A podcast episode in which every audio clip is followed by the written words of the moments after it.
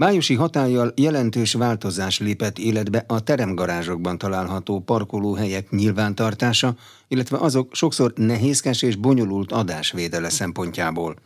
Lehetőség nyílt egy-egy parkolóhely önálló ingatlanná minősítésére álláshely néven, amelyre esetleges értékesítési szándék esetén a társasházi alapító kirat eltérő rendelkezése hiányában már nem vonatkozik a garázs tulajdonosok elővásárlási joga. Ezzel párhuzamosan az osztatlan közös tulajdonban álló teremgarázsokban található önálló ingatlanná nem minősített parkolóhelyek adásvételének folyamata is könnyebbé és gyorsabbá válhat azzal, hogy a jogalkotó a tulajdonos társakat megillető elővásárlási jog vonatkozásában jogszabályi szintre emelte az eddig csak a gyakorlatban alkalmazott hirdetményi értesítés lehetőségét. A részletekről Rozgonyi Ádám beszélgetett Tóth Angélával és Kaszatót Krisztinával, a DLA Paper Hungary ingatlanjogi csoportjának szakértőivel. Közleményben is szerepel, hogy az elmúlt évek gyakori problémája volt a társasházakhoz tartozó, osztatlan közös tulajdonban lévő teremgarázsokban található parkolóhelyek adásvétel esetében. Ugye elővásárlási jog illette meg a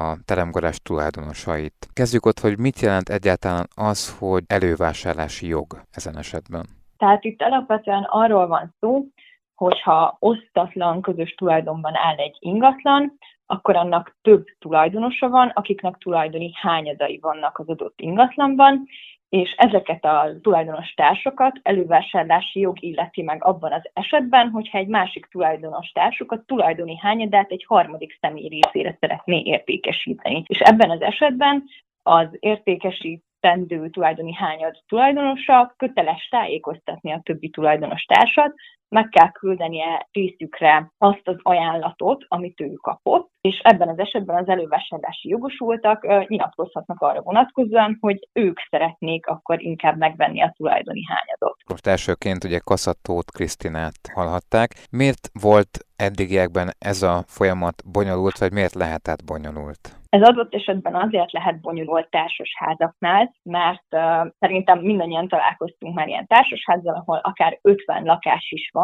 és az 50 lakásnak akár lehet 100 tulajdonosa is, tekintve, hogy maguk a, a lakások is lehetnek közös tulajdonban, és hogyha ehhez a társasházhoz tartozik egy teremgarázs, ami viszont az összes tulajdonosnak a közös tulajdonában áll, és a teremgarázsban áll fenn tulajdoni hányada lakások tulajdonosaira számára, akkor ebben az esetben az 50 lakás 100 tulajdonosát szükséges értesíteni arról, hogy szeretné a tulajdonostársuk eladni a tulajdoni hányadát. Ez viszont azzal járhat, hogy valakit akár külföldön kell értesíteni, valakinek nem található meg a címe, és hogyha 100 ember esetében akár 25-öt is nem sikerül értesíteni, akkor ez egy nagyon hosszadalmas folyamat lehet, mire valaki fel tudja azt göngyöríteni, hogy hol találja meg a többieket. Egyébként a teremgarázs az a köznyelvi értelemben gyakrabban használt garázsnak megfelelő egy kis elkülönített részt jelent tulajdonképpen? Igen, igen, ezt így alapvetően nagyon sok esetben ugye a föld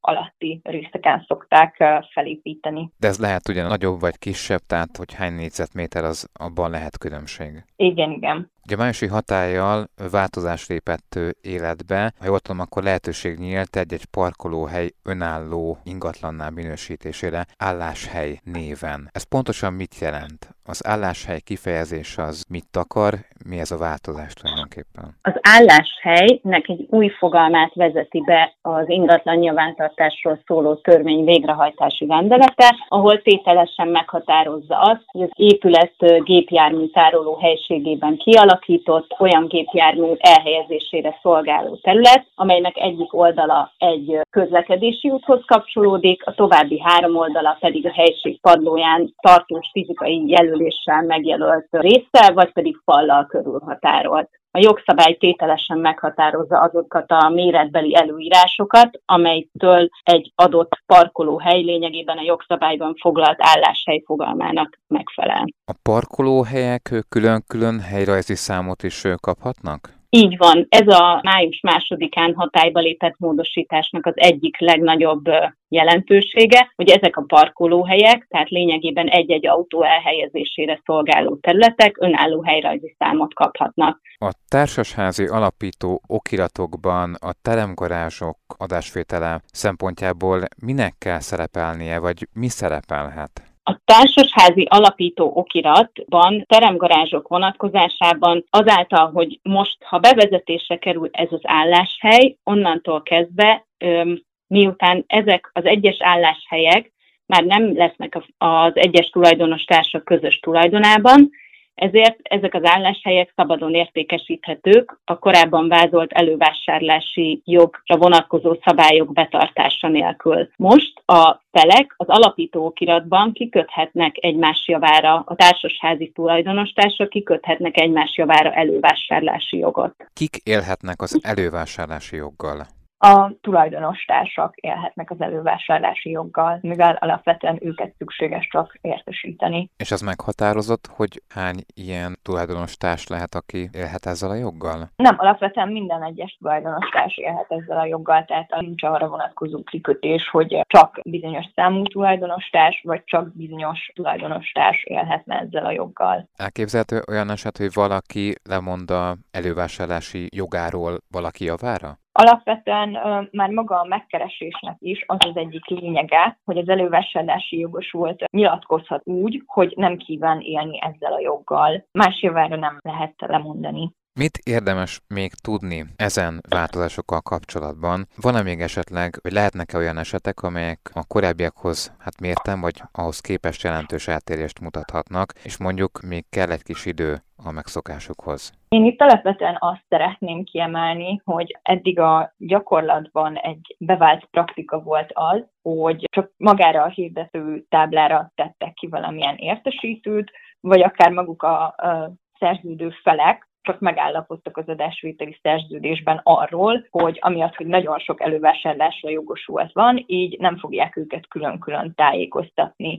Mindazonáltal itt problémát jelentett az, hogy született egy bírósági határozat arról, hogyha valaki mégis tudomást szerezne arról, hogy értékesítés történt az ő megkeresése nélkül, akkor élhet az elővásárlási jogával, így akár megszerezheti visszamenőlegesen az ingatlan tulajdonjogát. Viszont a május második módosítással bevezették azt, hogy amennyiben a teremgarázs garázs néven külön ingatlanként ugye a tulajdonos társak tulajdonában van nyilvántartva, akkor itt valóban elegendő lesz ez a hirdetményi értesítés, és ebben az esetben a közös képviselőnek kell egy teljes bizonyító erejű magánokiratban csak igazolnia azt, hogy megtörtént ez a hirdetményi értesítés. Hogyan bonyolódhat ezentúl az önálló álláshelyek ebben az értelemben, mint megváltozott fogalomként használjuk meghirdetése? Az álláshely fogalmának a bevezetése alapvetően a jelenleg és a jövőben épülő társasházak esetében fogja megkönnyíteni a tulajdonosok helyzetét, hiszen ebben az esetben már az társasháznak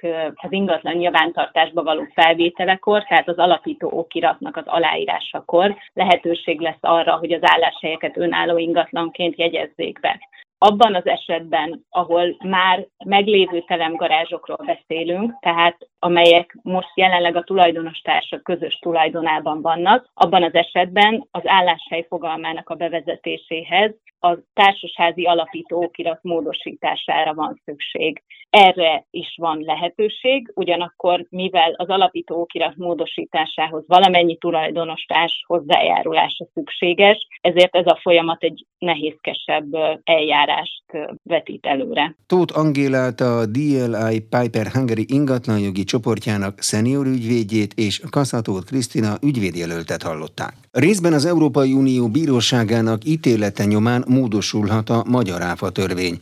A nyári adóváltozásokat tartalmazó törvényjavaslat már felkerült a parlament honlapjára, az ÁFA törvényt érintő módosításai két nagyobb témát érintenek. Erről a PVC Magyarország senior menedzsere beszélt az Inforádiónak. Varga Szabolcsa részletekről elmondta, egyrészt az értékesítés adóalapja akkor is csökkenthetővé válhat, ha a pénz visszatérítést nem közvetlenül annak adja az adóalany, aki részére a pénz visszatérítést jogosító termék termékértékesítést teljesítették. Másrészt, mivel a speciális gyógyszeripari helyzet nem teszi lehetővé az ilyen jellegű kapcsolódást, az adó alapjának korrekciója akkor is alkalmazható lehetne, ha a pénzvisszatérítés adó nélküli összege nem konkrétan a pénzvisszatérítésre jogosító termékértékesítés, hanem egy későbbi értékesítés adó alapjába tartozik bele. Rozgonyi Ádám interjúja. Mi volt az az uniós ítélet, amely nyomán a magyar országgyűlés és változásokat, módosításokat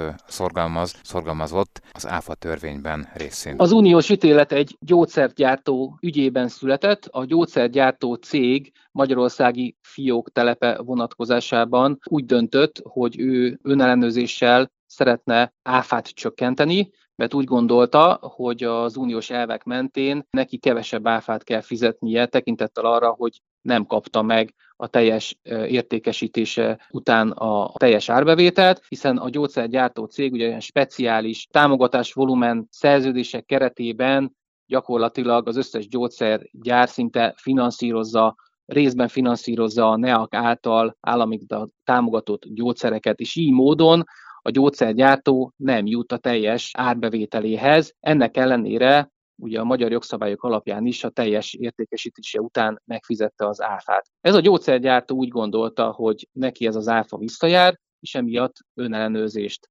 hajtott végre, és az adóhatóság természetesen ezt nem tartotta helytállónak, hozzáteszem, a magyar jogszabályok alapján erre a gyógyszergyártónak nem is lett volna lehetősége. Mégis az ügy a magyar bíróságon kötött ki, és a magyar bíróság pedig tekintettel arra, hogy itt, itt uniós elvek mentén kellett a tényállást eldönteni, előzetes döntéshozatali eljárás keretében megkérdezte az Európai Unió bíróságát, hogy mondjon véleményt, vagy hozzon ítéletet ebben az ügyben, hogy valóban lehet-e az adót csökkenteni ilyen esetekben, amikor az adott terméket értékesítő, jelen esetben gyógyszergyár nem a végső vevőnek, nem a nagykereskedőnek, vagy nem a gyógyszertárnak, hanem a NEAK-nak fizet egyfajta finanszírozási összeget annak érdekében, hogy az adott gyógyszer az támogatást kapjon az államtól, és így módon lehet-e az áfát gyakorlatilag csökkenteni. És az Európai Unió Bírósága azt mondta ki, hivatkozva egyébként egy korábbi ítéletekre is, hogy igen, ilyen esetekben tekintettel arra, hogy az adósem semlegesség elvét sérteni az, hogyha valaki ö, olyan értékesítés után is áfát kellene fizetnie, amelynek az ellenértékét végül nem kapja meg.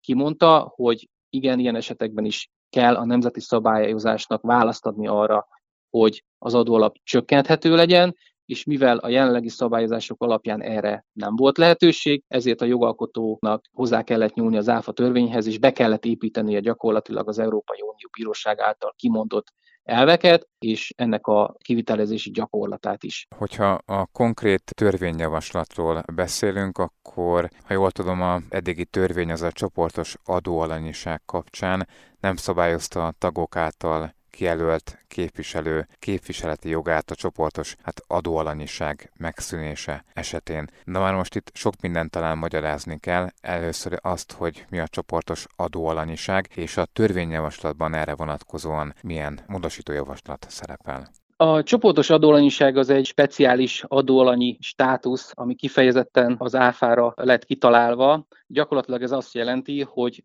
több adóalany akik egyébként egymástól független adóalanyok, de egymással kapcsolatsági viszonyban vannak, áfa szempontjából megjelenhetnek egy adóalanyként, ami azt jelenti, hogy az egymás közötti tranzakciók vonatkozásában az ügyleteiket nem terheli áfa. Ez kifejezetten azoknál a, az adózói csoportoknál lehet izgalmas kérdés, és azok szokták általában alkalmazni, ahol valamilyen olyan tevékenységet folytatnak, mint például bankok, pénzintézetek, egyéb biztosítók, ahol az adó levonása nem megengedett az igénybe vett szolgáltatások vonatkozásában, és így módon tényleges költségként jelenik meg az áfa, és hogyha ezek az adózók csoportot alkotnak, akkor az egymás közötti tranzakciókat nem fogja áfa terhelni, és így módon ugye ez a, a, az átterhelt áfának a levonási tilalma sem fog megjelenni az adott csoporttagnál. Tehát egyszerűen fogalmazva, hogyha egy mondjuk bank egy kihelyezett adminisztrációs szolgáltatást egy másik tagvállalatába kihelyezett adminisztrációs szolgáltatástól szolgáltatást igénybe vesz, amelyet egyébként áfa terhelne, hogyha egyébként független adóalanyok lennének, akkor ugye annak az áfa tartalmát a bank például nem tudná levonásba helyezni, még hogyha ez a két adóalany egy csoportban van, akkor ezt a szolgáltatást ezt nem terheli áfa, mert akik áfa csoporton belül egymás között ügyleteket valósítanak meg, azok nem tartoznak az áfa törvény hatája alá. Tehát ez gyakorlatilag egy ilyen adóoptimalizációs lehetőség, egy legális adóoptimalizációs lehetőség a társaságok számára, és így módon az áfa csoporttal sokkal hatékonyabban tudnak működni, és az áfával, mint végső adóteherrel ilyen módon nem kell kalkulálniuk. A, a jelenlegi módosítás az gyakorlatilag csak egy, egy technikai módosítás, mert nyilván áfa csoportok létrejönnek, megszűnnek, attól függően, hogy az adott cégcsoport hogyan struktúrálja, hogyan tervezi a jövőjét, és eddig a jogszabály nem adott választ arra a kérdésre, hogy mi van akkor, hogyha egy áfa csoport megszűnik, és az áfa csoport megszűnését követően mégis még az áfa csoport idejére vonatkozó valamilyen jogcselekményt, eljárási cselekményt foganasítani kell, például mondjuk önellenőrzési bevallást kell beadni még a korábbi időszakra. Ugye a, a jelenleg hatályos jogszabály még nem ad választ arra, hogy ilyenkor ki az, aki az, a, a korábbi áfa csoport nevében jogosult eljárni az adóhatóság előtt.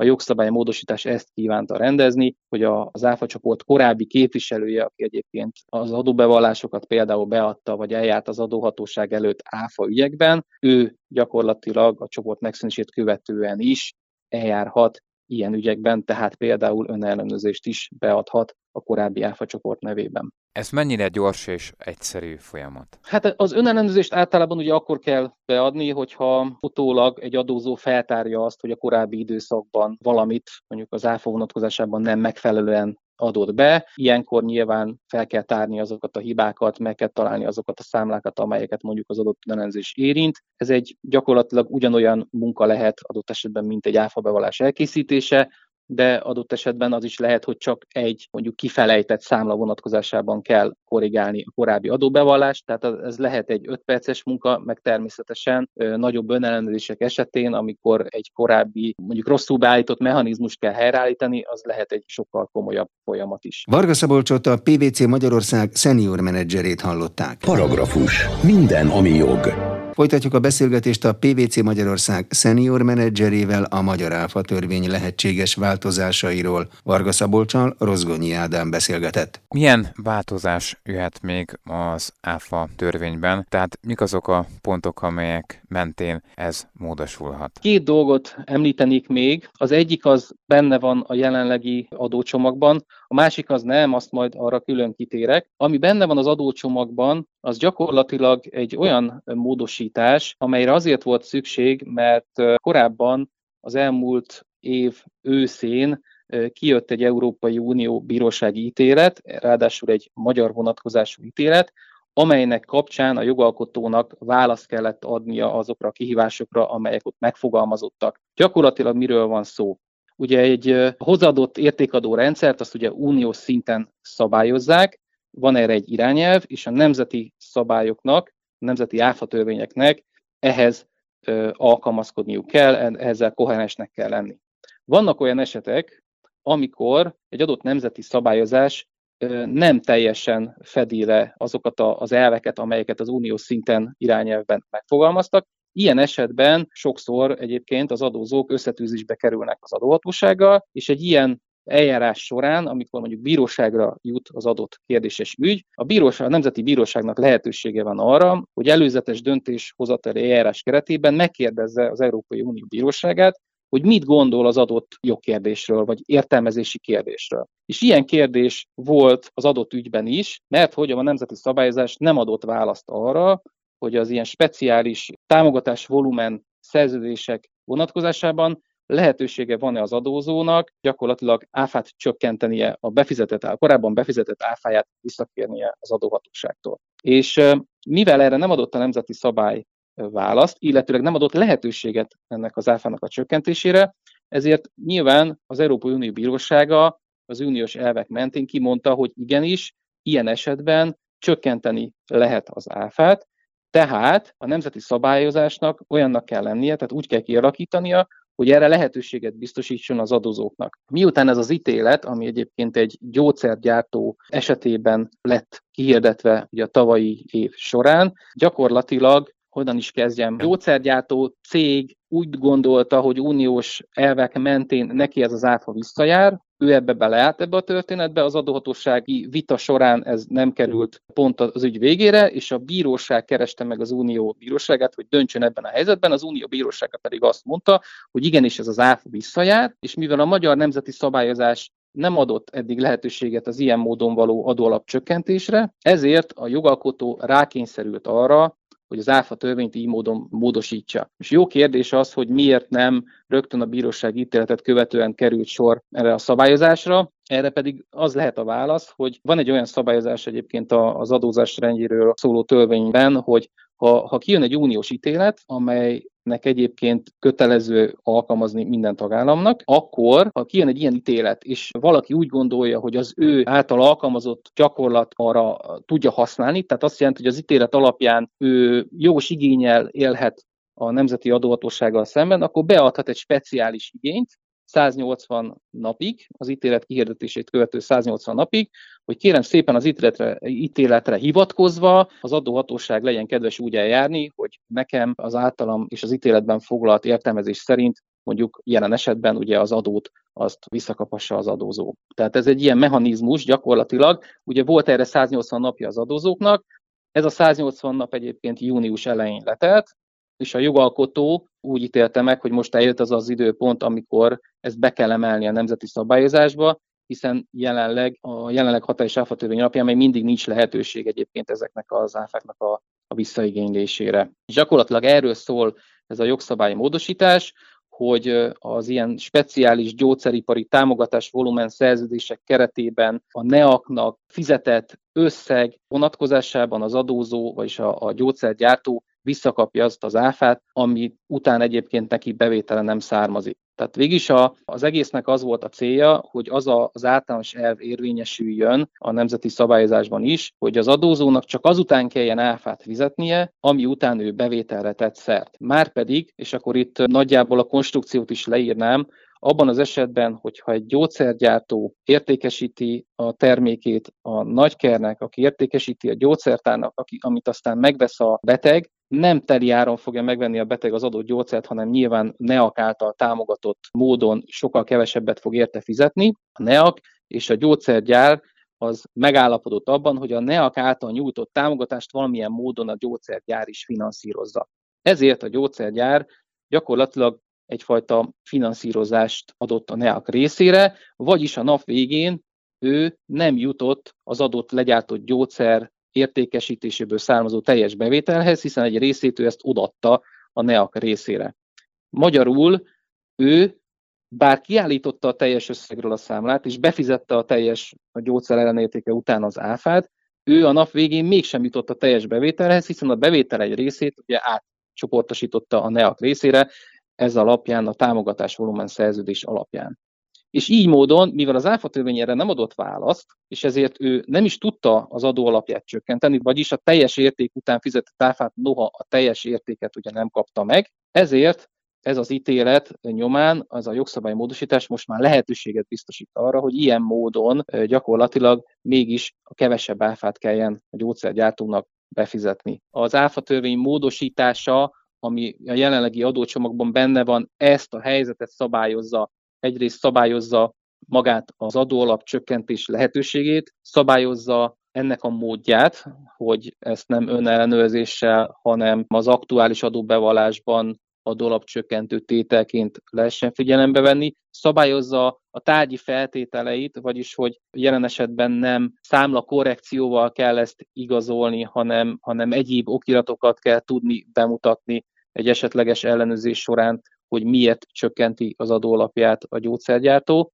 illetve szabályozza ennek a hatályba lépését is a módosító javaslat, amely azt mondja, hogy a törvény elfogadását követően a kihirdetés napját követő napon fog hatályba lépni, és hogy milyen ügyekre alkalmazható ez a, a visszaigénylés, illetve adólapcsökkentés lehetőség. Ez is egy érdekes kérdés, mert azt mondja a jogalkotó, hogy gyakorlatilag a kihirdetést követően fizetett, NEAK számára fizetett pénzvisszatérítést utáni időszakban lehet ezeket csökkenteni, kivéve, hogyha egyébként december 31-ét követően történt meg ugyan a visszatérítés, de az adózó nem fordult egyéb speciális igényel az adóhatóság felé, például a már említett ilyen adózás rendjéről szóló törvény szerinti ilyen speciális igénye. Ami azt is jelenti, hogy a korábbi évek vonatkozásában, tehát 2021. december 31-e előtti időszak vonatkozásában azok az adózók, akik nem kérték a speciális eljárás alapján vissza